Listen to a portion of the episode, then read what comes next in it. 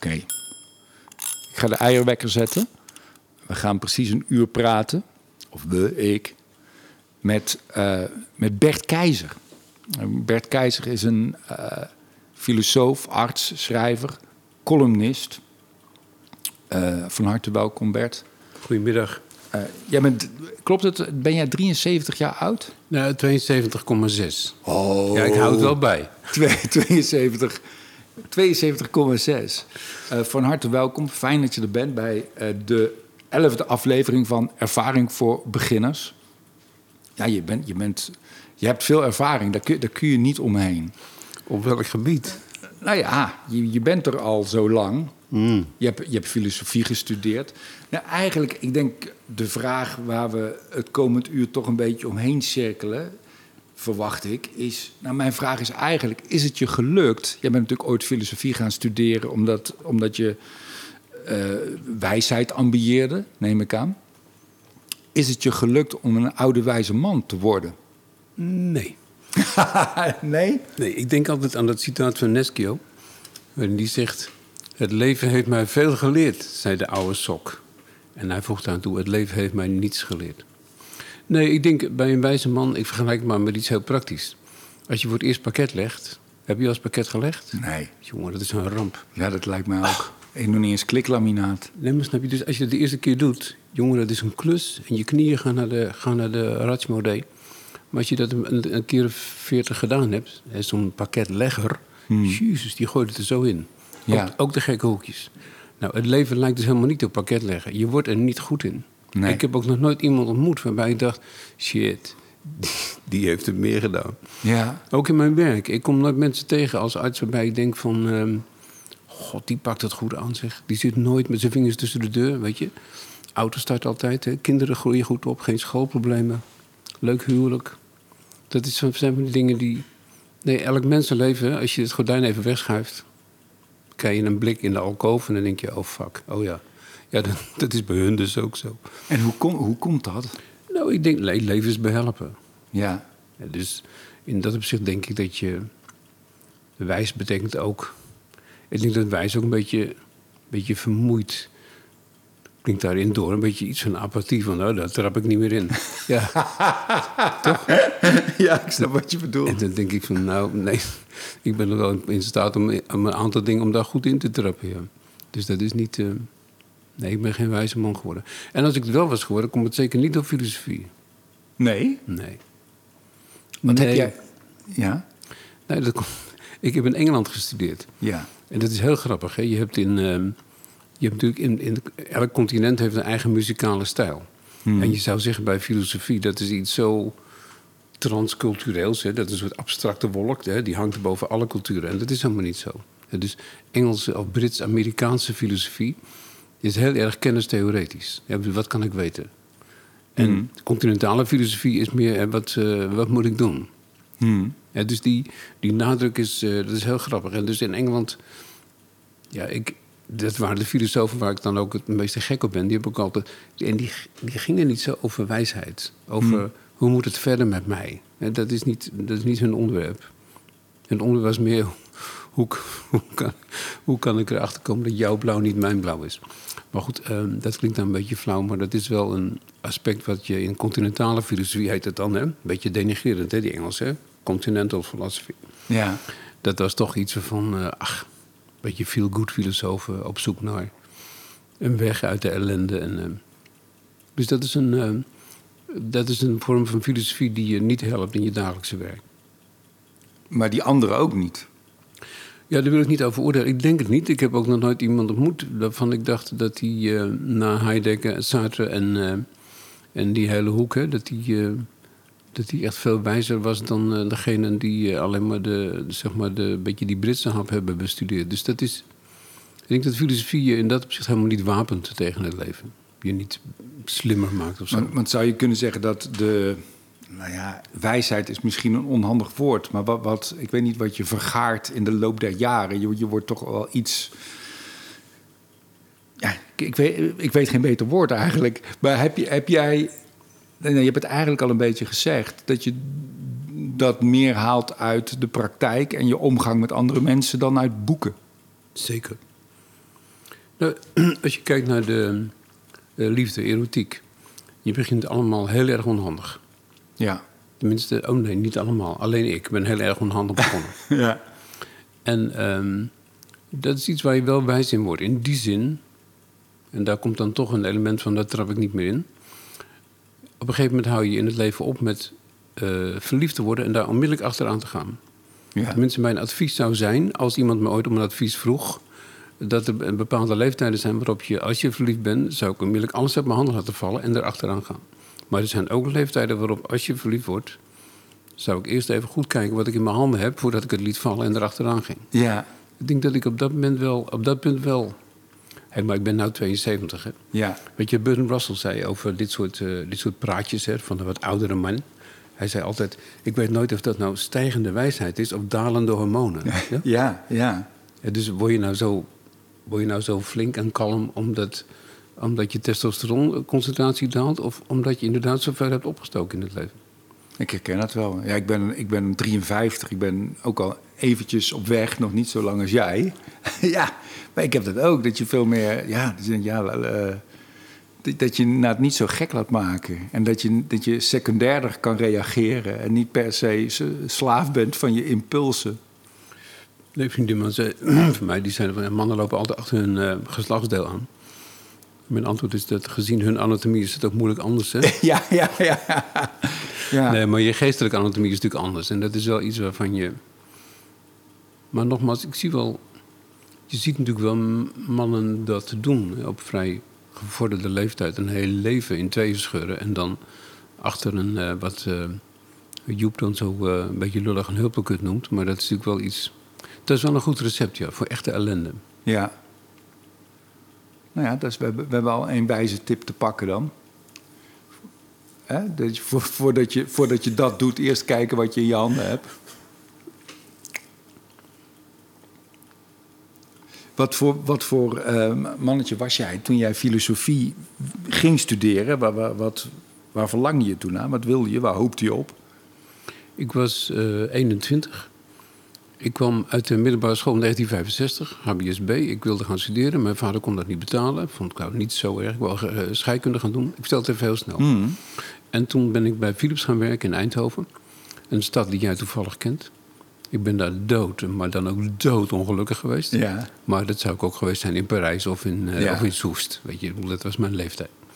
En um, toen wilde ik Nederland filosofie gaan studeren als werkstudent. Ik ging naar Utrecht, ik wilde me inschrijven. Toen kreeg ik te horen, nee, dan moet je het gymnasium hebben. Toen dacht ik, godverdomme, dat is toch niet waar?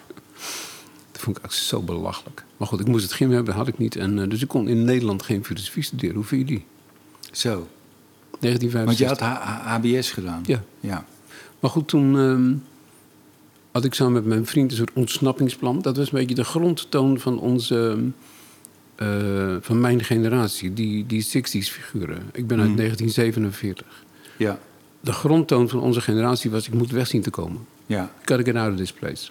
Um, en zeker moesten we bij onze ouders zien weg te komen omdat alles wat wij goed vonden op het gebied van seks en drugs en rock and roll en zelfs onze poëzie, ons haar, onze kleding, het was allemaal volledig tegen hun, ja, tegen wat zij mooi en fijn en fatsoenlijk vonden. Dus je was heel slecht gezelschap voor elkaar. Ja. Ik had heel veel lieve ouders hoor. Maar goed, die, um, en die escape, um, die is uiteindelijk gelukt. Er ging van Philips zat ik in een soort, uh, ja, wij, wij beschreven Eindhoven als uh, een soort arbeiderskamp. Ja? Mm. Arbeid, nee, avondstudium macht vrij hadden we. Iedereen zat op een avondcursus. Ja. En uh, toen ging ik naar Engeland om, ja, een beetje ballorig ook, hè, uh, als bordenwasser. Dus ik had een baantje in een hotel gevonden via een advertentie in het Parool. En daar, in Engeland kwam ik heel gauw in zodanige kringen terecht dat ik filosofie kon gaan studeren op geld van een uh, mecenas. Dus uh, ik heb echt mijn mazzel gehad hè, in Engeland. Hoe heb je dat voor elkaar? Wat heb je daar allemaal voor moeten doen voor dat geld? Kijk Niks. maar aan, Bert. Nee, nee. Dit was een echtpaar. Uh, Dorothy en Whitney Elmhurst, die, die zaten in, in Devon, hadden die in Dartington Hall, bestaat nog steeds, een 16e eeuws kasteel. En hadden ze een experiment in rural reconstruction, waarbij ze een oude een oud Engels landgoed uit de late middeleeuwen wilden zij herstellen in ere. En toen kwam dus een kasteel en een College of Arts en er was een boerderij en er was een glasfabriek en een wolpmin. En een hele. En dat is, zij had veel geld. Dorothy Whitney, zij was van de, de Railroad Whitneys. Die hadden miljoenen in de jaren Oh, 30. wauw. In de jaren Ja. 30, tijdens de crisis. En die, ehm, daar was een College of Arts en een vriendin van mij. Ik was namelijk heel gauw verliefd geworden toen ik in Engeland arriveerde. En Alles zij- uit je handen laten vallen. alles heb Nou, ik had niet zoveel in mijn handen toen. Hè? En zij, eh, zij ging naar de toneelschool daar. En, eh, en ik mocht mee eh, als afwassertje in de keuken. Ja. Maar dit, dit echtpaar, die, die Elmhurst, die gaven geld aan, aan danseressen om in New York bij de Martha Graham om daar te gaan dansen. En ik werkte in de keuken. En ik zei, als jullie geld geven om te dansen, dan geef je misschien ook geld om eh, te denken. Ja. En dat vonden ze goed. Wauw, te Dus die hebben, mijn, die hebben mijn studie betaald. Ja, ongelooflijk hè? Ja. Ja jongen, dat is een mazzel. Engeland in de 60s. Dat is leuk. En toen ben jij dat gaan studeren. Je bent ook Ja. afgestudeerd volgens mij. Ja. Maar je bent niet fulltime filosoof geworden. Nee, dat komt omdat. Kijk, filosofie is iets waarvan je in je tweede jaar ontdekte dat jij niet de volgende Wittgenstein of de volgende Plato bent. En dan ben je veroordeeld tot je leven lang filosofieonderwijs. Dat hoopte je wel, dat je de nieuwe Wittgenstein zou zijn. Nee. Nee, dat vond ik eigenlijk te pretentieus. Ja. Maar kijk, je ontdekt in filosofie heel gauw dat. Als je, als je viool studeert, op een dag ontdek je van: ik kan daar best spelen. Ja. Maar kan ik componeren? Shit, dat is een hele andere planeet. Ja. Dus dat is het verschil tussen een filosoof en een filosofiestudent. Hmm. En ehm, ik was echt een filosofiestudent. Ik was wel een goeie. En ik, werd op mij, ik kreeg ook een aanbod om naar Cambridge te gaan. Wat toen dan het uh, Walhalla was. Maar ik dacht, dan zit ik mijn hele leven lang zit ik in een, in een academie Hmm. eh, na te denken over het leven. ja. In plaats van te leven. Ja, komt ook een beetje door Wittgenstein, die dan een van mijn filosofische helden was, eigenlijk nog altijd is. Zijn idee was over filosofie, dat is voor 's avonds. Overdag moet je timmeren of eh, tuinen schoonmaken of eh, eh, behangen of arts, vond hij ook een heel mooi beroep. Maar, maar niet, filosofie is natuurlijk geen, dat is geen levensvulling. Nee. Je moet een leven hebben en daar mag je s'avonds over nadenken. Dat was zijn idee een beetje. Ja, snap ik wel. Dus ik vond het niet zo moeilijk om tegen filosofie te zeggen van... nou ja, blijf bij mij, maar, maar niet de hele dag. ja. Had ik daar in het begin wel... Ik ging dus geneeskunde doen in Amsterdam. Mhm. Ik kon hier zo binnenlopen, want ik had al de academische graad. Ik hoefde niet te loten, weet je. Dus allemaal, en ik kreeg een volledige beurs. We hadden het toen veel beter hè, dan studenten nu. ja. Shit, ik had 800 gulden in de maand. Zo, dat is toen veel, denk ik. Ja man, dat, dat- dit was een volledige beurs. Ja, en toen kostte een biertje... 1,50, Ja, 1 gulden. En wij konden met... eh, de huur van de kamer was zoiets van 150, 175 gulden. jezus, ja.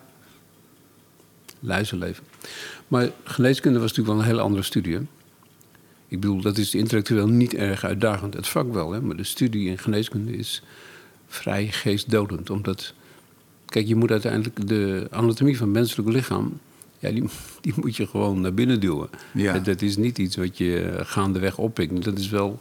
Dus in geneeskunde zit er heel veel, heel veel uit je kop leren. En, ehm, en dat is na filosofie is dat is dat behoorlijk een, een beetje een belediging van je intellect. Dat is de eerste paar jaar voelde ik me een beetje als een rat in een fucking labyrint. En ik, jezus, Ja. waar ben ik in terechtgekomen? Maar geneeskunde is uiteindelijk wel een veel uitdagendere studie, omdat je, omdat je naar mensen toe moet hè, die, een, die een probleem hebben waar jij iets in moet zien te betekenen. En dat is wel iets wat je in filosofie natuurlijk niet ontmoet. Nee. Nee. En heb je het, is het ook in je werk als arts altijd eh, een, een gereedschap geweest, ook je filosofische kennis? Nee. Nee, omdat die. ehm, kijk, mensen die ziek zijn, die zoeken, geen, die zoeken geen slim gesprek op niveau. Tenzij je onder die 10.000 patiënten die ene Wittgenstein-lezer treft. En Ja. Die vindt het leuk. Ja. Snap je? Maar mensen hebben geen behoefte aan een relativerend gesprek over... beseft u eigenlijk wel dat de meeste geneesmethodes... dat dat toch een beetje fluit in het donker is? Zo'n gesprek. Ja. Dat kan niet bij een, met een ziek mens. Je hebt dus, er zijn in geneeskunde twee ruimtes. Hè. Dat is het, zeg maar, het restaurant, hè, waar we de sp- spulletjes opdienen. En je hebt de keuken. En in de keuken denk je na en zeg je van... wat zijn we eigenlijk aan het doen? Eh, Maar in het restaurant is daar geen ruimte voor. Nee. Dus een ziek mens is niet iemand die op zoek is naar een, een filosofische of afstandelijke beschouwing over de zin van, Van wat dan ook. Die willen geen pijn hebben en een beetje een, een vooruitzicht op een, op een genezing. En dat is iets heel anders dan. eh, Dus in filosofie heeft mij nooit. Het heeft me altijd door mijn avonden heen geholpen, snap je? Maar niet door Ja. mijn dag heen. Nee. Er zijn ook heel weinig artsen die iets van filosofie afweten. Ik bedoel dat niet denigrerend hoor. Nee. Maar het is gewoon. Niet nee, heel- iemand anders weet dan veel van voetbal of zo. En die komt zo de avond door. Eh, klassieke muziek, hè, dat, eh, dat is dan een beetje de, het Mariebeeldje wat daar overal aan de muur hangt. Hè? Daar Ja. zijn ze gek op. Ja. Maar ja, het is een beetje ieder zijn eigen. En, en toen raakte jij, ik, de- denk ik, ik heb, jij, jij hebt ook meer dan tien boeken geschreven, waar bijna de 80% gaat over de dood. Of, eh, toch, Bert? Ik zeg het goed, toch? Ja, ik ontken het niet. Ja, maar hoe ra- raakte jij geobsedeerd door de dood? Ik weet niet wat ik daarop zeggen moet. Ik denk dat ik ehm, in het verpleeghuis. ehm, ik wilde, na mijn studie wilde ik eh, huisarts worden. Ja. Dat was een beetje problematisch, lange wachtlijst. En eh, ja, voordat je kon beginnen met de opleiding, ik kwam in het verpleeghuis terecht met een lang gezicht. Dat was een parkeerbandje. Dan heb je, me niks voor. Ja. Ik dacht, al die oude karkassen, wat moet ik er? Ja, ja jezus. Ja. En eh, dus het leek me niks. Dus ik deel echt het vooroordeel tegen zeg maar, werken in een verpleeghuis met oude mensen. Het vooroordeel daartegen deelde ik heel erg enthousiast. Maar toen ik er was, ontdekte ik dat... Ik vond dat ik vond het ontzettend dankbaar werk. En het is een merkwaardige huisartspraktijk eigenlijk. Ja. Waar je de hele dag bij je patiënten op bezoek bent. Dat is het verpleeghuis, hè? Ja. Er is geen één dokter in de gezondheidszorg die haar patiënten zo goed kent als de arts in een verpleeghuis. Je ziet elkaar elke dag. Hmm. Soms jaar in, jaar uit. En je hebt dus mensen zeggen altijd, ik wil zo graag een goede band met mensen. Nou, dan moet je in het verpleeghuis komen werken. Dan heb je die kans. Ja. Als, als arts in een verpleeghuis heb je ook een gigantisch placebo. Je hebt een, een goed, sterk, zeg maar, helend effect. Gewoon door de manier waarop je binnenkomt, een hand geeft. Eh, Dat is iets wat, eh, dat persoonlijk, hè, waarbij je dus eh, geen lopende bandwerk aflevert, maar altijd in gesprek bent hè, met die ene man of vrouw. Dat is een kwaliteit in het verpleeghuis die. eh, het moet je liggen, hè? Hmm. Je moet daar plezier in hebben. En je moet een beetje nieuwsgierig... Ik ben nieuwsgierig hè, naar mensen. Ik vraag me altijd af van wat doet hij hè? en waar betaalt hij het van? Of, eh, ja, dat heb jij ook, denk ik, hè? Nou Ja, ja, Toch? ik denk het ook. Ik denk dat, het ook, dat dat ook een van de allerbelangrijkste eigenschappen is die je moet hebben als maker, als, als schrijver of cabaretier. Is, is dat je nieuwsgierig moet zijn, toch? Dus dat verpleeghuis, ehm, daar werkte ik met plezier, omdat... Ja, wat deed je dan? Nou ja, je, je probeert eigenlijk eh, om goed gezelschap te zijn hè, voor leidende mensen. Ja. Het grote genezen, nou, dat valt nog mee. Dat is gewoon niet aan de orde. Mensen komen in het verpleeghuis met een probleem. Ze komen niet om te sterven. Ze komen met een probleem en dat is, dat is vrij ernstig. Het kan een dementie zijn of een lichamelijke handicap. Een probleem waarmee ze verder willen leven. Mensen denken altijd, de verpleeghuis willen gaan ze allemaal dood. Ja, nou, buiten het verpleeghuis gaan ze ook allemaal dood. En Dus dat is een beetje... Dus dat is niet de insteek. Het is geen hospice. In een hospice ga je echt naartoe met, met een dodelijk probleem. Dus Ja. dat is wel een groot verschil. Ja. Maar in het er wordt natuurlijk druk gestorven in het verpleeghuis. En dat is iets wat eh, in zo'n huis... bij- ik had een huis met, eh, waar ik begon, 280 bedden. Daar gingen elk jaar toch wel zo'n ja, 80 mensen dood. Ja. Dus je hebt heel veel sterrenbedden heb je mee te maken. En ehm, een beetje gek om te zeggen, maar ik had, daar, ik had in het begin... vond ik het heel erg en stom en was ik onhandig. Maar ik ben daar wel goed in geworden. Goed In, in, in goed gezelschap zijn bij eh, mensen die lijden. Ja. ja. Eh, mensen die. eh, kijk, een sterrenbed is een soort drama hè, waarvan je. Als je geluk hebt, hè, als dokter, als verpleegkundige. eh, heb je een beetje de regie in handen.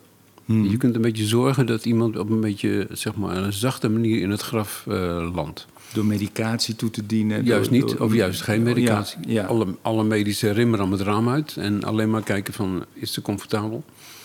En ook door de mensen die daarmee geconfronteerd worden, want iedereen, je doet het maar één keer, hè? Doodgang. Nou, ja, maar als jouw moeder sterft, dat is, dat is sterrenbed van jouw moeder, dat is een uniek sterrenbed. Ja. Daarna gaat zij nooit meer dood. Nee. Dat moet goed gaan, want een slecht sterrenbed, hè, dat sleep je de rest van je leven met je mee. Ja. Heel veel mensen die, die ik ontmoette en die dan zeg maar dood moesten, die hadden juist die angst. Hè, van ik wil niet zoals. En dan komt een soort herinnering hè, aan een van de verschrikkelijk sterrenbed wat ze meemaakten. Aan de slangen en de meters. En ik heb eigenlijk daar ontdekt dat dat heel erg dankbaar werk is. Zorgen voor mensen in eigenlijk vrij hopeloze situaties. Waar jij dan toch klein beetje licht kunt brengen. Ja. Ik vond dat wel een. eh, en dat is iets wat. eh, hey, dat weet je niet als je geneeskunde kiest, weet je. Nee. Nee. En je wil ook niet een dokter. Als jij in het ziekenhuis komt, wil je ook niet een dokter die tegen jou zegt: Ik ben eh, heel goed in sterrenbedden, meneer Maas. Dan zeg je: "Ja, rot op. Ja. ja, moet ik niet. Hoe, ja, hoe ben je daar beter in geworden, Bert? In, in eh, mensen daarbij helpen? Ik denk vooral door mijn eigen onhandigheid maar gewoon toe te geven. Ja. Dus in het begin, ik ben in mijn, in mijn derde jaar in mijn studie, deed ik een verpleeghulpstage in het ziekenhuis, in de, in de VU. En eh, op een afdeling met een beetje zeldzame maligne tumoren, rare kankers. En daar was ik als de dood, als, als jonge vent dan. Hè. Ik was bang om, om voor stervenden te moeten zorgen. Want ik dacht, wat moet ik tegen die mensen zeggen? Want Ja. ik ga straks naar huis en hun gaan dood. Ja. Ja, dus dan, en dat, ik sloeg dan helemaal dicht. Ook in, uit angst om, ja, om iets verkeerds te zeggen. En, en het nog erger te maken dan het al was. Want ik dacht, het is zo erg voor ze. Nou, die beetje, beetje idiote angst, hè, die, waardoor je helemaal niet... Waardoor je eigenlijk ook soms zo'n sterfkamer een beetje mijt, hè. Hmm. Dat is iets wat ik, eh, nou, overwonnen. Maar ik ben wel geholpen om me daarin te gedragen, ja. Door verpleegkundigen. Die, die zagen ook wel in mij van... Moet je kijken hoe die dat doet. Hij rent die kamer in en uit. En daar, Ja. dus ik ben wel bij, de, bij mijn nek wel gepakt ja, door verpleegkundigen. Die dan zeiden van, maar zo moet jij dat niet doen. hè. Jij moet niet weglopen steeds. Je moet daar gaan zitten en met die mensen praten. En eh, neem eens even de tijd. En doe niet zo, doe niet zo belangrijk met je kalium en je, hemoglobine. Dat is allemaal... Ik Maar wel goed dat ze dat zo straight tegen jou zeggen. En dat jij dat. En ook goed dat jij dat eh, kan incasseren. Nou, vond ik niet zo, niet zo makkelijk. Nee. Nee, omdat je toch denkt... Ik ben de dokter, hallo. Ja, precies. Ja. Het is, ik ben ingehuurd omdat ik, omdat ik het weet, zogenaamd. Maar Ja. de waarheid was natuurlijk hoe me te gedragen in een sterfkamer. En dat wist ik niet. Nee. Maar nou, die obsessie met de dood. Ik denk dat... Ik ben helemaal geen, eh, geen negatief figuur. of. Ik word morgens niet wakker dat ik denk... Oh, fuck, wat een planeet is dit. Weet je, dit is niet mijn... Maar het is wel iets waarvan ik, waarvan ik heel vaak denk... dat het... Nee, ik vind het een raar... Nee, niet een raar. Ik vind, het, ik vind de dood eigenlijk iets afschuwelijks. Hmm. En ik, ik vraag me altijd af hoe, hoe mensen, ook ikzelf, hè, heel vaak erin slagen... om, om te leven alsof je nooit doodgaat. Ja. En we moeten wel, zelfs kunnen we geen kant op. Maar het is raar dat, dat, dat ons dat lukt. Ja. We zitten in een boot en, en we roeien en dan, eh, we zijn met z'n zessen. En één voor één worden ze uit die boot geplukt en verdwijnen voorgoed onder water. Lekker dit. Ja. En jij en ik roeien meteen door. En we denken van, nou ja, dat zijn hun niet. Dat is heel gek hoe we dat doen. Ik snap niet zo goed hoe we dat... Maar denk je niet dat het belangrijk is om, om je er ook wel een beetje bewust van te zijn? Dat dat het leven ook wel um, een meerwaarde geeft? Dat, het feit dat je doodgaat, dat je niet alleen maar afleiding kunt zoeken daarvan, maar dat je het soms ook wel onder ogen moet zien en daardoor ook eh, de waarde ervaart van dat we in leven zijn? Ja, maar vind het wel... Ik vind het wel erg lastig om te leven met die... eh, met, dit, met het idee dat het zo heel erg de moeite waard is... terwijl je weet dat de hele... dat de hele, dat de hele bende aan het einde gewoon wordt weggeflikkerd. Ja. Sorry, ik vind dat een afschuwelijke gedachte. Het is meer een jongetjesgedachte, denk ik. Meiden hebben dit minder. Ik weet niet hoe dat komt. Misschien om, om, ik weet niet. Is dat omdat ze kinderen op de wereld kunnen zetten? Ja, dat zeggen we altijd, hè? Maar ik weet niet of dat klopt. Nee. Maar jongens hebben dat veel meer. Omdat jongens die willen toch op een gegeven moment... die willen iets bouwen, iets niet, en een kras geven op de muur. Hè? Jannie was hier, hè? Ja. Toch? Zoiets. Zijn, zijn de boeken die jij geschreven hebt, die, die kras? Ja, maar dat, jemig. Hey, als, je even- als je lang genoeg wacht, wordt de aarde... de oppervlaktetemperatuur hier eh, wordt 1500 graden. Ja, de zon Ja. gaat exploderen. Ja, er is Tante Lena en, is, en de sonetten van Shakespeare... die zijn dan allebei precies hetzelfde. Oef. Lekker dit. Kunnen we over iets anders praten? Nee, ik wou daar even blijven hangen wel. Nee, maar je kunt, er zijn twee manieren om met de dood om te gaan. Je kunt het er nooit over hebben, dat is vrij stom. Ja. Want daar ontkom je niet aan. Voorbij een bepaalde leeftijd wordt er om je heen zo druk gestorven dat je, eh, je moet daar Maar je kunt het ook altijd over hebben. Waarmee je jezelf en, eh, en de anderen om je heen elke dag helemaal kunt verprutsen. Dus Ja, Dat is natuurlijk ook onzin. ja. En zoals ik al zei, zo leef ik helemaal niet. Maar ik vind het wel. hey, ik kom uit een katholieke wereld. Waarin eh, na de dood gewoon iets goeds was. Ja, Geen details, maar gewoon. eh, gebeurt Ja. nog wel iets. En ik, ik ben helemaal niet opgevoed met angst voor de hel of zo. Dat is, eh, dat, maar ik zat in een vrij, zeg maar, vreugdevol katholicisme. Een kleine katholieke middenstand in Ja. Amersfoort. Mijn ouders waren lieve, vrome mensen. En die dachten ook van na de, na de dood... "Boah, kijk, we zullen wel even naar het vagevuur moeten, maar de hel. nee. Maar, Dat is meer de, de eredivisie hè, van zondigheid. Wij Ja, waren meer, Champions eh, League. ja, toch? Ja. Wij waren meer eh Amersfoortse boys, kampioen Ja. op dat gebied. eh, heel, heel bescheiden. En dus dat gevoel is iets wat ik... dat is mij afgenomen. Dat is zeggen, het tijdsgevricht heeft een ander beeld voor mij geschetst. En dus, Want je bent ook niet meer gelovig, neem ik aan. nee. Ik heb wel veel sympathie voor, eh, voor de christelijke iconografie. Voor de mis. Ik kijk graag naar een mis. Je? Dus ik heb een soort eh, nostalgische... Ik hou van kathedralen. Ik ben zo'n kaarsenopsteker. eh, hè? Dus allemaal die eh, Gregoriaanse muziek. Vind ik wel leuk.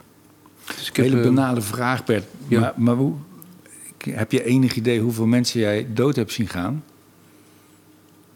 Mm, Nou, kijk. Ik, heb, ik denk dat ik zo'n. Zo'n duizend of 1500 mensen. Ik heb dit wel eens geprobeerd uit te hebben, maar ik weet het niet goed. Nee. Duizend. dus, Nou, laat maar zeggen duizend mensen. Zo.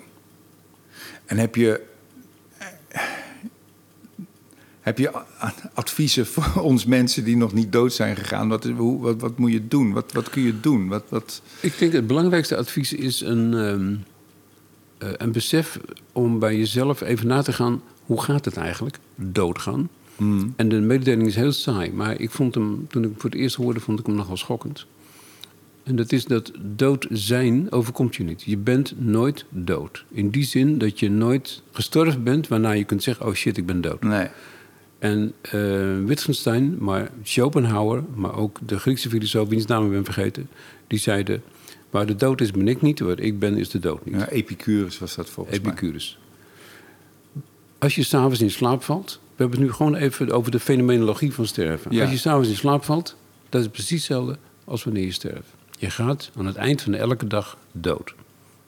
En de meeste mensen denken dat sterven uiteindelijk aan het, aan het einde van een hele lange, nare rit. moet je ook nog die, moet je die hindernis ook nog over zien te klauteren. Weet je? Hmm. Terwijl doodgaan juist een kwestie is van geen enkele hindernis meer. Je kunt ineens zeggen voor het hek.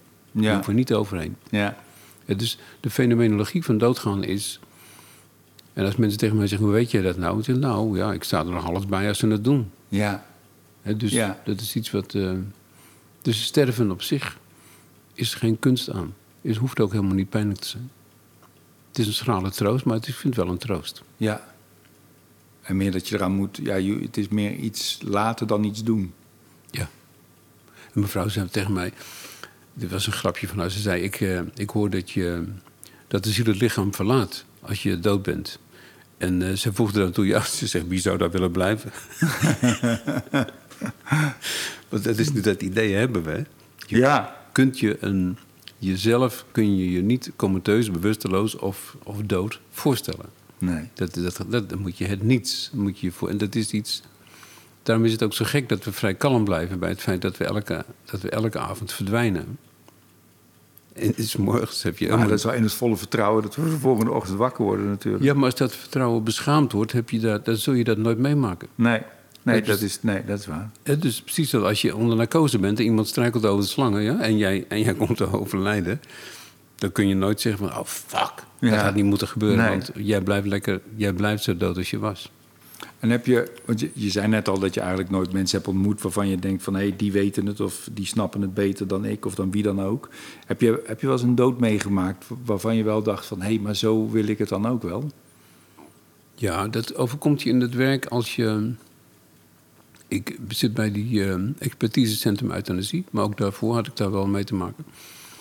En waarmee ik dus niet wil zeggen dat goed sterven is euthanatisch sterven. Zo bedoel Nee. ik dit niet. Nee. Maar het is wel zo dat mensen die euthanasie eh, vragen en ook op die manier gaan, dat is, dat is toch wel een speciaal clubje. die, die hebben toch wel een soort... eh, Iets meer regie ook misschien in handen. Ja. En dat, daar zitten heel veel scènes bij waarvan ik dacht... Die laatste, zeg maar, 17 minuten... hè, waarbij je, we staan op het bed, hè, het drankje wordt gedronken... of het infuus wordt gegeven. En dan heb je een soort intensiteit van gebeuren... wat vooral in de omstanders woedt het heel sterk. Hè. Dus Zometeen is hij dood. Daar zitten wij mee. Maar degene die gaat, dat is heel raar... die zijn nooit zenuwachtig. Snap je? Ja. Die zijn nooit. Die zijn nooit van. eh, is de dokter er al? Die zijn allemaal. pff, hebben een overhemdje aan, hun haar goed gedaan. eh, en die, die, is, ja, die zit op een hele. Ja, ik, ik- die kalmte kan het nooit zo goed verklaren. Ik zou namelijk. Maar ja, goed, ik wil ook geen euthanasie. Maar ik zou, als jij binnenkwam met de overdose, zou ik zeggen: Oh shit, daar is hij. Ja.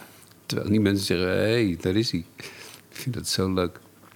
Dat is dus wel iets wat. ehm, met een zekere onbekommerdheid, hè? Die je na je overlijden kan je dat niet meer tonen. Dat kun je, Nee. dat kun je tonen voordat je gaat. En dat mensen dat soms kunnen. En soms met een glimlach ook. Of een geintje. Ja, bij mijn vader is dat ook is echt zo gegaan. Die, die, die was ook helemaal blij dat hij, dat hij kon vertrekken. Dat was mooi geweest en eh toedeloe. Maar het mooie is dat dat ook voor jou iets is waarvan je nu ook met een glimlach op je gezicht, hè, dat, daar kijk je op terug en denk je van, ja, ouwe, Ja, dat ik heb een geweldig voorbeeld Toch? gezien. Daar- Daarvan denk ik ook, ja, ik hoop dat ik daartoe in staat ben. Dat is ge- geweldig. Het is verdrietig en ook is het een, ehm, ja, daar gaat er zeker troost van uit als je weet dat iemand zeg maar niet op een ruwe manier werd ondergespit, hè, maar dat die gewoon ja. Ja. een beetje rechtop naar het kerkhof liep. Dat is toch wel, dat is wel iets om te koesteren, vind ik. Maar dat hoeft natuurlijk niet per se via euthanasie. Nee. Mensen kunnen ook in andere omstandigheden heel rustig en kalm eh, naar hun eind toe gaan. Maar dat wil je vooral, dat iemand... En dat is misschien een hele gemengde zeg, maar... wat ik heel moeilijk vind als mensen eh, de tijd niet hebben gehad... dat is een plotseling overlijden. En mensen zeggen, oh, dat is de beste dood. Dat vind ik eigenlijk de lelijkste dood. Hmm. Niet voor degene die gaat, want die weet na afloop niks. Maar voor degene die achterblijven is dat altijd een... Jezus, je wil even zwaaien, weet je. Ja, Hè, dat is, dat is een, een soort afscheid, of iemand bedanken, of zeggen wat je voor elkaar betekend hebt. Maar elk, elk sterrenbed is anders. Grappig. mijn vader en moeder zijn allebei overleden. Mijn moeder was ook zo raar. Die klampte zo helemaal vast aan het leven. Die ging maar niet. Die, die at niet meer, die dronk niet meer. En dan wordt er zo ingeschat hoe lang ze nog heeft. Maar die bleef maar leven. En die heeft op een gegeven moment ook echt zo vanuit een soort comateuze toestand... dat ze zo de ogen op, open deed en ons zo om de beurt aankeek. En toen was ze weer weg. En toen vlak daarna, of zo, die nacht, is ze overleden. Ook wonderlijk. Maar die blik was wel belangrijk. Ja, ja, ja, ja. Dat afscheid nemen, dat is wel... Maar je hebt ook heel veel mensen die, die, eh, die dat nou juist helemaal niet willen. Kijk, die euthanasieclub, die zijn heel bewust en die, eh, die, die weten wel wat ze doen. Ik vind ook dat mensen de ruimte moeten hebben om niet te sterven. En Dus net te doen alsof er niks aan de hand is. Ja, ja, Wat René Gude zei, als je gaat roeien, dan zie je niet waar je naartoe gaat. Maar je houdt een blik op waar je vandaan komt. ja, En dat is, een, dat is ook een manier. Dus ik denk niet dat er... Je kunt daar niet, zeg maar, voorschrijvend in zijn. Je kunt niet zeggen van, nou, ik vind dat... nee, nee, Het is iedereen die zoekt de dood die een beetje bij hem past. En soms vind je hem, hè, en soms vind je hem niet. ja. Ik weet niet wat ik... mensen zeggen altijd tegen mij, jij wilt zeker ook euthanasie straks. En mijn antwoord is nee. Nee, want ik hoop niet dat ik aan het einde zo beroerd ben... Hè, dat, ik, dat ik moet vragen om euthanasie. Ja, maar als je heel lekker voelt, ga je meestal niet dood, toch? Nee, daar, daar zit wat in, maar ik, ik glijd al liever weg. Als ik nog even, nog even gezwaaid heb. Topfit, ik wil topfit doodgaan. Ja, natuurlijk, zo gezond mogelijk sterven. Krankzinnig dit, hè? Nee, maar dit is ons lot. Wij, wij, zijn, wij, zitten, wij zijn in de tijd. Zoals dieren dat niet zijn. Hè? Dus wij, ja. en als je, eenmaal weet, ja, als je eenmaal weet hoe laat het is... Nou, dan, dan kun je ook heel gauw tot een besef komen van... eh, En toen ben jij ook, op een gegeven moment, ik weet niet meer wat jouw eerste, ik, had het ergens opgeschreven. Op een gegeven moment ben je erover gaan schrijven, toch ook? Ja. De, ehm, was, eh, het refrein is Hein, 1994. Openhartige schets van gebeurtenissen in verpleegtehuizen. W- w- Wat was die eh, eh, drang om, om, om erover te gaan schrijven? Ook Ik heb altijd willen schrijven. Ja, je wilde eigenlijk schrijver worden. Altijd. Ja. Mijn, eh, mijn eerste helden waren schrijvers. Wie, wie waren dat? Kamichelt, Mhm. Elschot, Reven, Neschio, Multatuli, Beets. Ik was gek op Nederlandse schrijvers. We Ja. hadden ons, ons boekje Lodewijk, hè, literatuur en eh, bloemlezing. En eh, die twee delen, ik ken ze nog altijd uit mijn hoofd. Echt? Dat, ja, ja, Ja. dat is, ik was, maar niet met het idee van... Ik hield heel erg van literatuur, maar niet met het idee van ik ga zelf schrijven. Nee. Vond ik eigenlijk een Een beetje... consument. Ja, ik vond het idee dat ik zelf zou schrijven een beetje eh, nou, belachelijk, eigenlijk. Dus, Omdat, eh, maar waarom? Omdat je dacht dat het is iets voor andere mensen. Of ik ben daar niet slim genoeg voor of niet goed dat ik het genoeg. niet kon. Ja. En ehm, in Engeland had ik wel een paar vrienden die zeiden... want je, je moest in Engeland in filosofie moet je steeds schrijven, altijd essays. Elk, elk trimester drie essays, weet je. Locke, Berkeley, Hume, Wittgenstein, Plato, Aristoteles. Je moet, continu moest je essays inleveren. En ehm, twee van mijn hoogleraren die zeiden van... eh, dit gaat wel erg goed voor een eh, Nederlander. Ja. En dus die, die zeiden wel tegen me, jij, jij kunt schrijven. Even afgezien, filosofisch ben je best... maar je schrijft, je schrijft bovengemiddeld. Ja. Nou, ik groeide helemaal. Ja, heerlijk Maar, is dat, hè? Complimentjes. Eh, ja, maar dat, dat bleef een beetje liggen. En ik was wel een, een dagboekenier. Dus van mijn verpleeghuisbelevenissen hield ik wel vrij strak een eh, dagboek bij. Niet met het idee van maak ik een boek van. Maar dat ben ik uiteindelijk... Ik ben begonnen met vertalen, ook grappig hè. Hmm. Ik heb Reven in het Engels vertaald.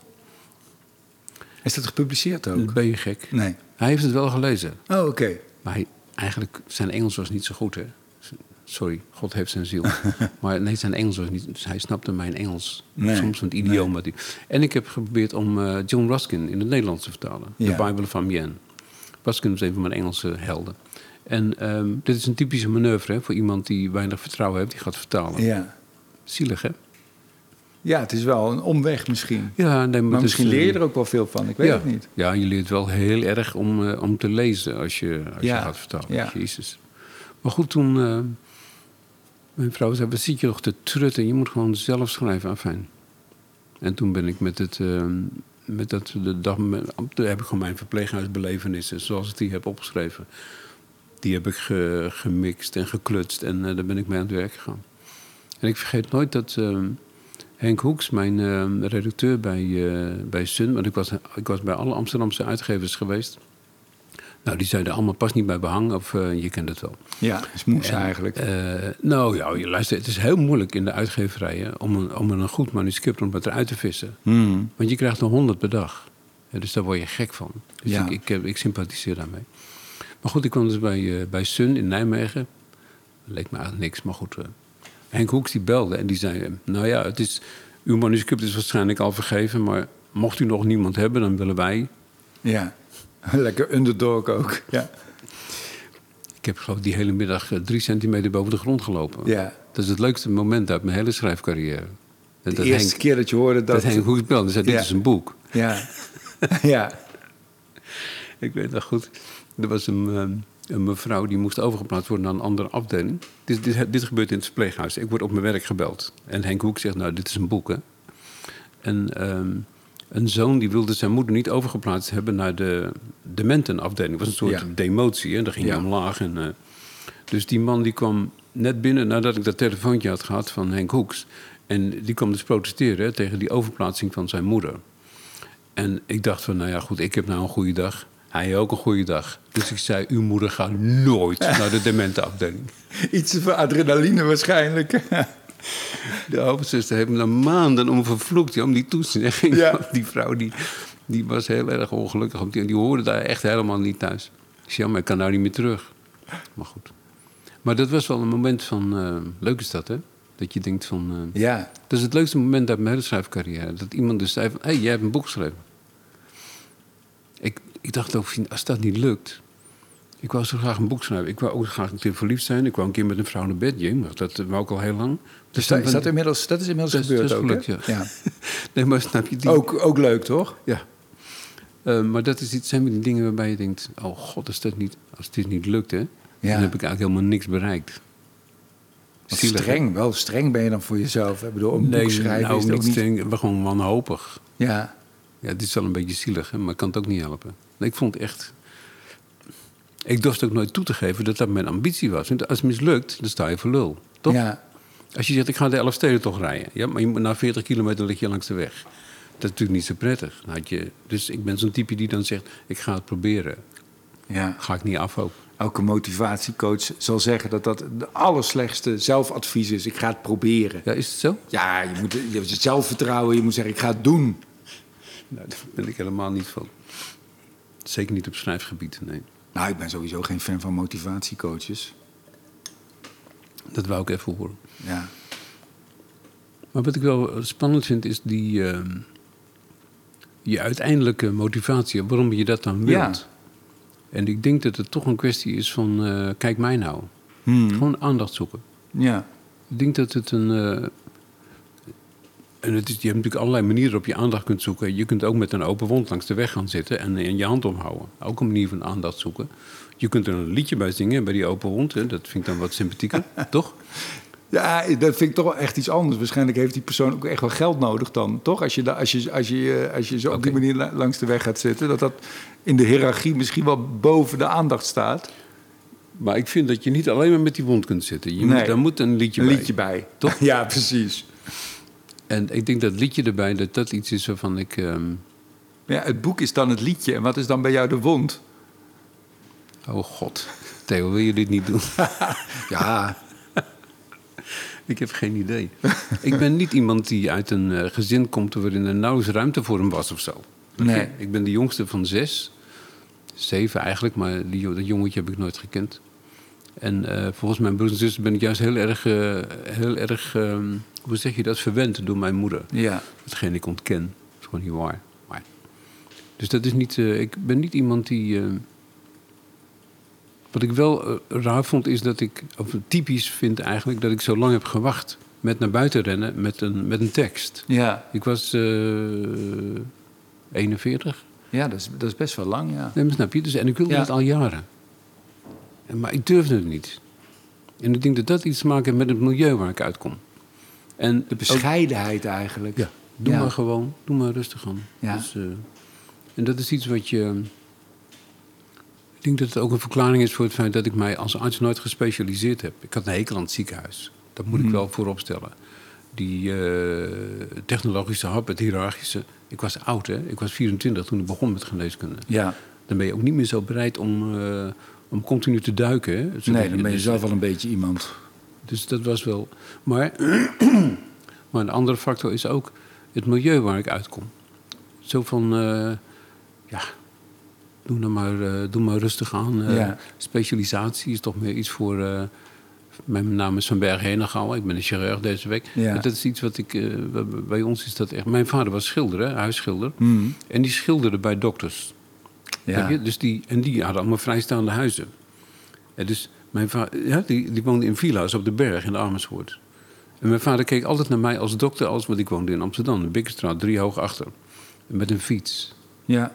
Dus mijn vader dacht altijd, is het hem wel gelukt eigenlijk? Hè, om in die wereld iets te bereiken. Dat vond ik eigenlijk heel aandoenlijk. Want hij zei altijd tegen mij, wanneer krijg je nou een eigen praktijk? ja. Ja, maar, Het is het maar- hoogst haalbare. ja, maar ik werk natuurlijk in loondienst. Hè, dus ik had nooit een eigen praktijk.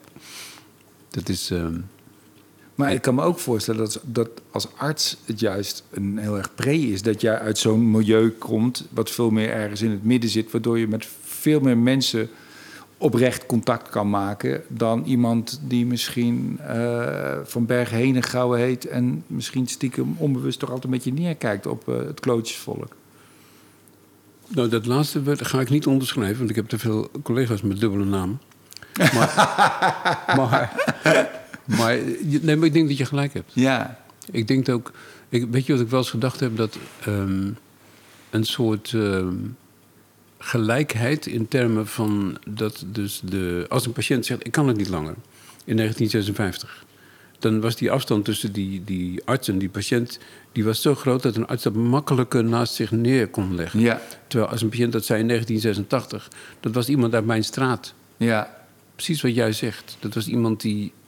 Wiens accent ik sprak, wiens, met wiens kinderen ik in de klas had gezeten. ja, En dan heb je een. ehm, Ja, een geestelijke overlap. Hè? Een soort samenvallen van wat je interessant vindt of waar je vandaan komt. Of waardoor, waardoor zeg maar een een één op één contact veel natuurlijker is en, eh, en sneller ontstaat. Ja, ik denk dat je daar gelijk in hebt. Ja. Ja, ik dus ik denk heb dat, daar nooit last van gehad. Hè? Dat nee, ik- ik denk dat je dat als arts geholpen heeft. En als schrijver heeft het je, denk ik... Ik kan me voorstellen dat je het wel heeft tegengewerkt. Ik ben dat best wel in de gesprekken die ik tot nu toe heb gehad... vaak tegengekomen wel. Dat, dat, en dat is ook wel mijn stellige overtuiging... dat als maker, als schrijver of als cabaretier...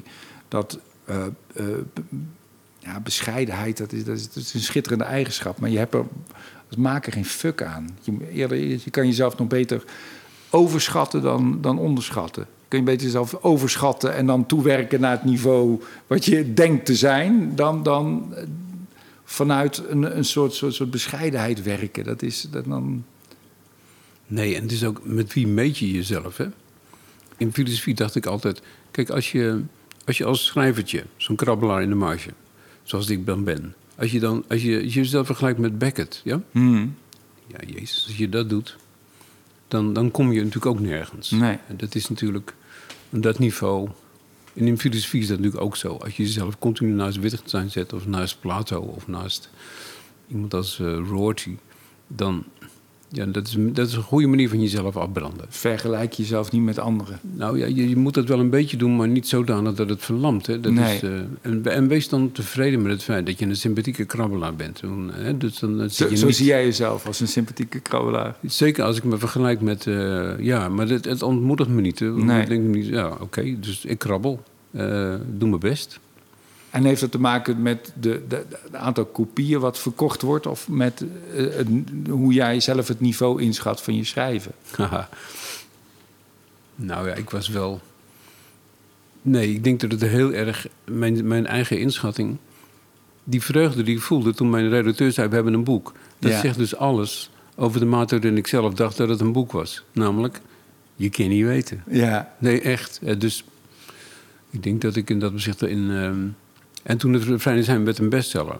ja. En ehm, nou, dat had ook niemand verwacht. En ik als allerlaatste had dat verwacht. en, en dan dacht ik ook, ik heb echt zachtelijk mazzel gehad, wist je dat? ja.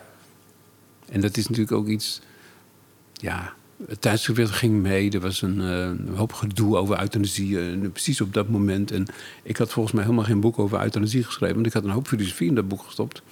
Eh, waarbij mensen allemaal dachten, het gaat alleen maar over sterrenbedden. Dat vond ik wel eens een beetje, werd ik wel eens een beetje pissig van. Want ik, op mijn manier had ik alles wat ik zo had gelezen... had ik wel meegenomen naar dat boek. Heel veel schrijvers en denkers. Hè, dat ik vind in allerlei zeg maar, dagelijkse situaties... had ik die een beetje erin gevlochten. Hè.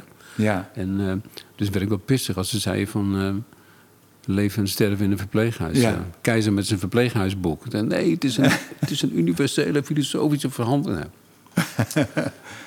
maar, het is, maar als het dan zo goed eh gerecenseerd wordt en zo goed verko- verkoopt... Hè, dan ben je wel blij, ja.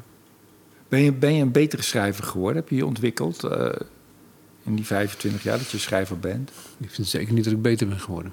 Nee? Nee. Nee, omdat ik een beetje als een. ehm, ja, een beetje als een jong veulen heel veel dingen binnenrende als, eh, als schrijver in mijn eerste jaar. En dat ik nu. Ja, het is toch iets omdat je. Ik denk dat als je gaat. eh, als je gaat paardrijden, ik heb nooit paard gereden, maar ik fantaseer maar even. Dat de, de eerste ritjes zijn natuurlijk waardeloos, hè? Die- Ja. En je wordt nog alles uit het zadel geworpen.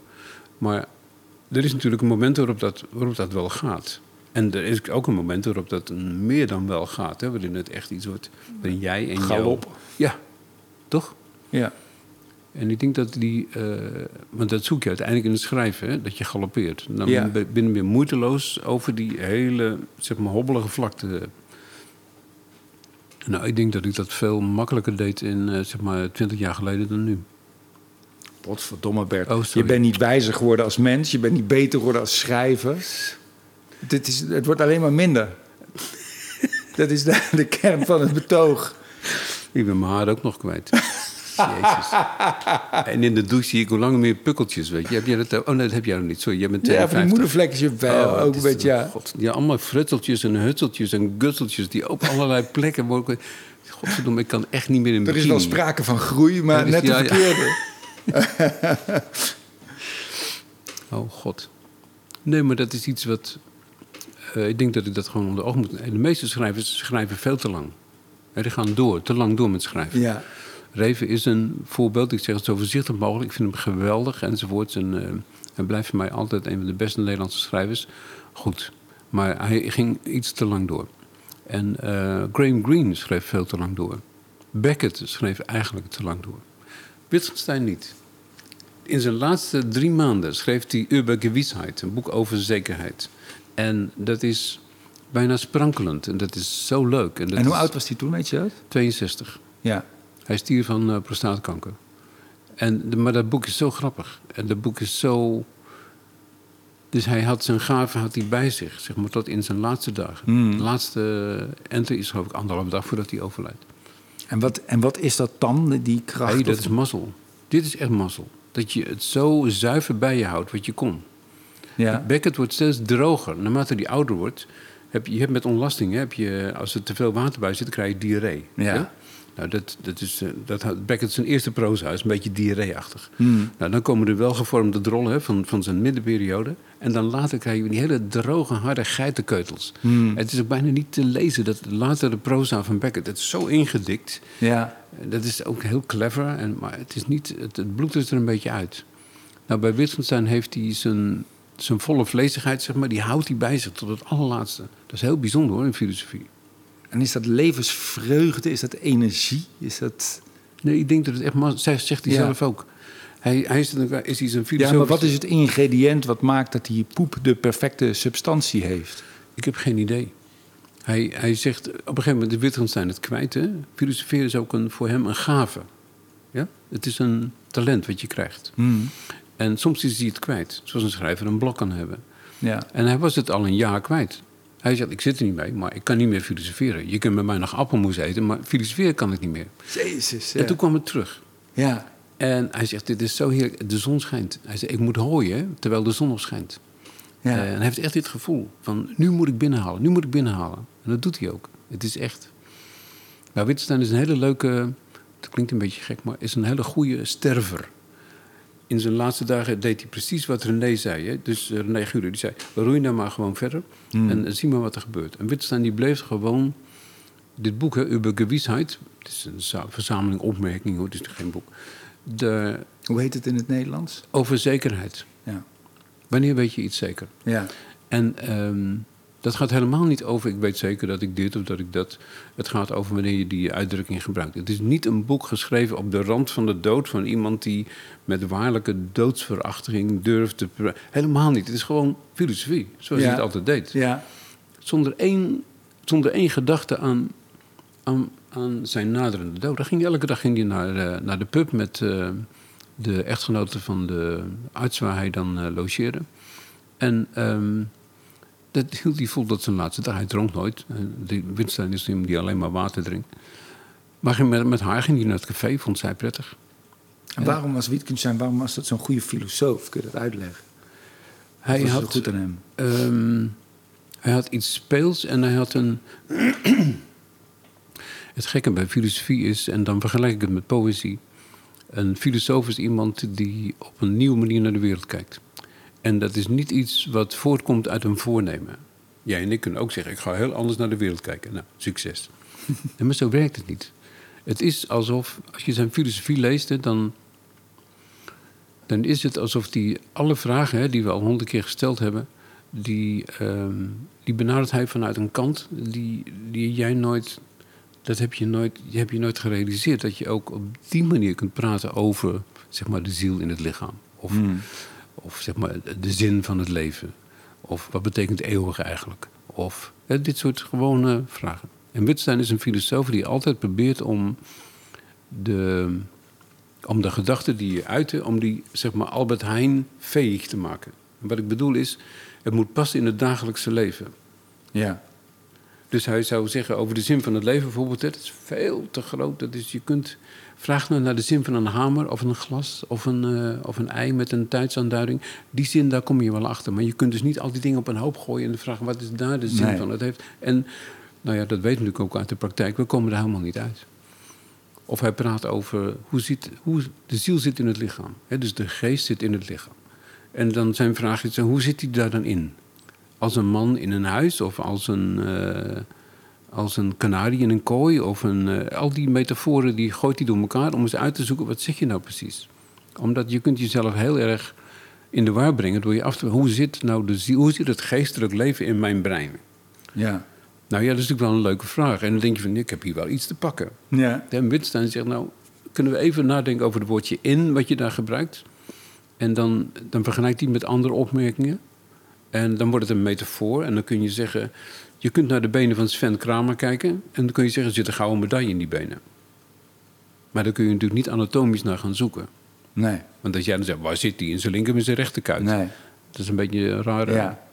En zo zit het ook met zeg maar, een, een uitdrukking als de ziel zit, of de, het geestelijk leven zit in het brein. En dat zijn. ehm, dus Wittgenstein die neemt je mee naar een soort eenvoud. Die Een soort nuchterheid ook. volledig. Ja. Hij loopt met drie benen op de grond. Ja. Dat is een heel groot avontuur. Kijk, filosofie is begonnen, westerse filosofie steeds, bij Plato, waarbij de essentie, waarbij de essentie van wat er gebeurt op aarde zich helemaal niet op aarde bevindt, niet in dit leven bevindt. Hmm. Het bevindt zich achter allerlei ruimtelijke voorzetsels. Hè? Het zit achter het leven. Het zit boven het leven, zeggen we het liefst. Hè? Niet eronder, dat is vies. Maar daarboven. Ja, die platonische hemel. Dat is wat, het getal 1, dat soort abstractie. Het getal 1 zal er altijd zijn, ook als er geen mensen meer zijn. Dat soort, daar was Plato gek op. En filosofie, westerse filosofie is één lange klim omlaag uit die platonische hemel, die, die abstracte logie, zijn we terechtgekomen in, nou wat Wittgenstein zegt, hè, de geest zit in het lichaam, zoals een medaille in de benen. Ja. En dat, is, dat kun je net zo mysterieus maken als je wilt, maar je brengt jezelf in de war door allerlei manieren van praten en door die door elkaar te halen. Ja. En door pathetiek en, en eh, intellectuele ambities of zo, het voelt als heel nuchter en als eerlijk. Hij is een. ehm, maar je moet, als je, als je Wittgenstein wil lezen, je moet wel. Kijk, hij is een, eh een anti-filosoof. In die zin dat hij denkt dat heel veel filosofie bellenblazerij is. Ja. En eh, je, moet wel, je moet wel een beetje gecharmeerd zijn van filosofie. Ja. Om te begrijpen. Dat het anti-filosofie is. Snap ja. je? Dus Zoals humor en anti-humor. Ja.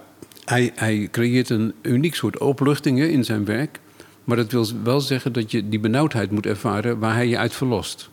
Maar is daarna, als je dat tot je hebt genomen en je bent daar fan van, is daarna überhaupt filosofie nog wel mogelijk? Zeker, omdat elke filosofie is een oorspronkelijke dichter. En dus elke, je kunt dus niet, als je een, eh, de poëzie van, ehm, eh, van Anton Korteweg, die ken ik dan een beetje. Als je, als je die gedichten, dan, dan zeg je niet van, nou ja, maar dan, nou, een Shakespeareaans sonnet heb ik nu geen behoefte meer. Dat is natuurlijk, nee, want die zijn, dus na Wittgenstein lees je Richard Rorty. En dan, maar die neemt je ook weer mee op een heel nieuw avontuur, Ja. een heel ander avontuur. Eh, dus elke filosoof is een nieuw avontuur. En het leuke ervan is dat filosofie, er is geen vooruitgang. Nee. Dus je kunt niet zeggen van, ehm, nou Plato zegt met de manier waarop hij filosofeerde, nou, eh, dat is niet waar. Want als je Plato leest nu nog steeds en je volgt hem in zijn voetstappen, dan, dan heb je een, ja, dat is een, eigenlijk een geestelijk avontuur. Dat is iets geweldigs. En dat is iets wat Wittgenstein je ook. Maar Rorty biedt je dat ook. En eh, Quine biedt je dat. En voor de echte fans, Heidegger biedt je dat. Ik heb nooit iets van Heidegger gelezen. Nee, maar begrijp je? Dus iedereen heeft dan zo... Het is zo wonderlijk in jou, Bert, dat je aan de ene kant zo enthousiast en begeisterd praat over filosofie... en aan de andere kant zeg je, je hebt er niks aan. Nee, je hebt er niks aan in termen van hoe kom ik mijn dag door? Ja, Wat moet ik tegen mijn moeder zeggen? Hoe kom ik aan een betere beroepskeuze? Die vorm van nut, die Ja. ontbreekt ten ene male in filosofie, maar ook in poëzie. ja, En ik vind het helemaal niet erg. Ik ben zo'n eh, kunst voor eh, art for art's sake typeje. Ik denk niet dat... We zitten nu in een crisis.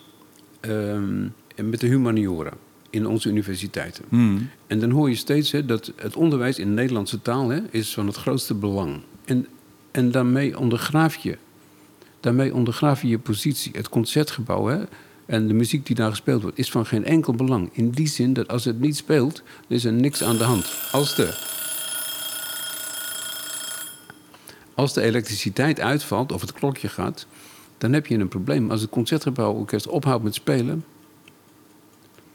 En dan kun je zeggen, het is, het is van belang, hè, we kunnen niet zonder. En ik geloof dat allemaal, en het is ook zo. Maar het is niet zinvol in de, in de manier waarop... Ja, sorry, maar de manier waarop ons, ons spoorwegnet zinvol is. Het is een ander soort zin. En ik denk, als je die twee door elkaar blijft halen... en dat doen mensen steeds. Hmm. Dus Om subsidies binnen te slepen of om duidelijk te maken. En dan denk Ja. ik, doe dat niet, want dat is, die ballon die prik ik zo door. En je, je, zou het belang zou je alleen maar kunnen onderstrepen door, door, te praten, door erover te praten zoals ik erover praat. Dit is een van onze.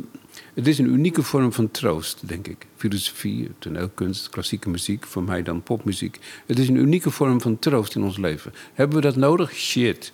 Kijk eens naar de planeet. Ja, dat hebben we nodig. En, daarvoor, en daarom kunnen we niet zonder. Maar als je praat over belang of nutten, vooral het woordje nut... dan denk ik altijd, in godsnaam, doe, doe dat niet. Want je kunt het niet... Vind je niet? We moeten kunst verdedigen, hè?